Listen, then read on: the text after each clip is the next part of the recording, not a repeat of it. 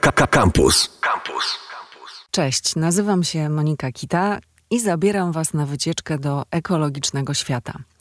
Podczas y, tej wycieczki będę opowiadać Wam o sprawach związanych z ochroną środowiska, z ograniczaniem powstawania odpadów, zmianą nawyków na bardziej ekologiczne i w ogóle zdrowym podejściem do życia. Pierwszy odcinek naszej ekologicznej podróży zaczynamy od sprzątania świata. Ale wcale nie takiego klasycznego, chociaż uważam, że to bardzo ważne, żeby angażować się i wspierać akcje społeczne, brać udział w porządkowaniu niestety wciąż zaśmieconych terenów zielonych. Ale o tym mówi się akurat dużo. Ja chcę zwrócić Waszą uwagę na sprzątanie świata cyfrowego, czyli zrobienia porządków w swoich wirtualnych zasobach. Bardzo dobrą okazją do tego jest Digital Cleanup Day, który przypada 18 września.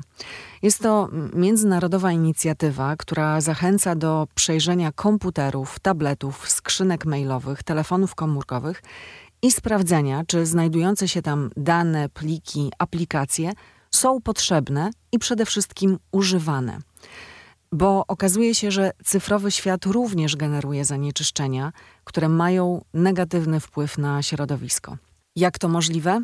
Potwierdzają to badania, że to, co robimy w internecie, w przestrzeni online, zwiększa nasz ślad węglowy i powoduje powstawanie śmieci, ale tych cyfrowych śmieci.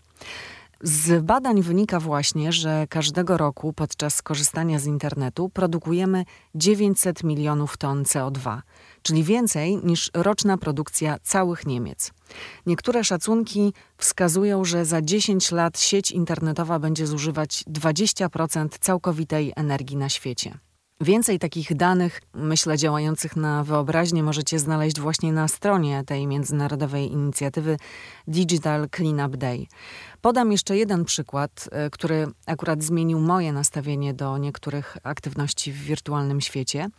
Okazuje się, że uczestnicząc w 15-godzinnych spotkaniach wirtualnych z włączoną kamerą, wytwarzamy prawie 9,5 kg dwutlenku węgla miesięcznie. Wyłączając z kolei wideo, można zaoszczędzić taką samą ilość emisji, jaka powstaje przy codziennym ładowaniu smartfona przez ponad 3 lata. Spójrzmy więc na uczestników spotkań e, zdalnych, którzy wyłączają kamery ze zrozumieniem, bo być może robią to właśnie ze względów prośrodowiskowych. Od czego zatem zacząć cyfrowe sprzątanie świata? Podam Wam kilka praktycznych podpowiedzi. Po pierwsze, przejrzyjcie swoje telefony, sprawdźcie aplikacje i usuńcie te, których nie używacie albo używacie rzadko. Uporządkujcie zdjęcia, filmy, ściągnięte gry. Zastanówcie się, czy wszystkie te pliki muszą zajmować przestrzeń w Waszym telefonie. Po drugie, sprawdźcie pliki w komputerze lub laptopie. Opiszcie je, pogrupujcie w folderach, usuńcie te, których nie używacie albo dotyczą przeszłości, zarchiwizujcie je, czy też przenieście na dysk zewnętrzny. Zajrzyjcie też do swojej skrzynki mailowej. Niektóre ważne wiadomości możecie zarchiwizować albo przenieść do odpowiednich folderów. Sprawdźcie też e, subskrypcje newsletterów. Być może niektóre nie są już potrzebne, więc je po prostu usuńcie. Na bieżąco też opróżniajcie kosz i folder spam. No i po czwarte, nie wysyłajcie krótkich, niewiele znaczących maili. Na przykład takich, których treść to jedynie OK albo dziękuję. Jest to zupełnie niepotrzebne wypełnianie cyfrowej przestrzeni. Zachowajmy e-maile do mm, przekazywania bardziej dłuższych treści.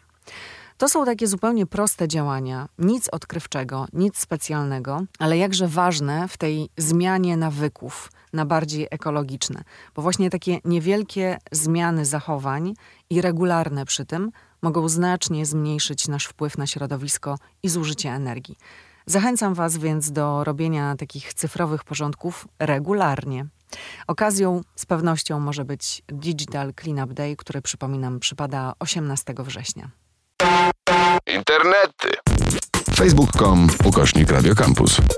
Twitter ukośnik Radiocampus. Snapchat ukośnik Radiocampus.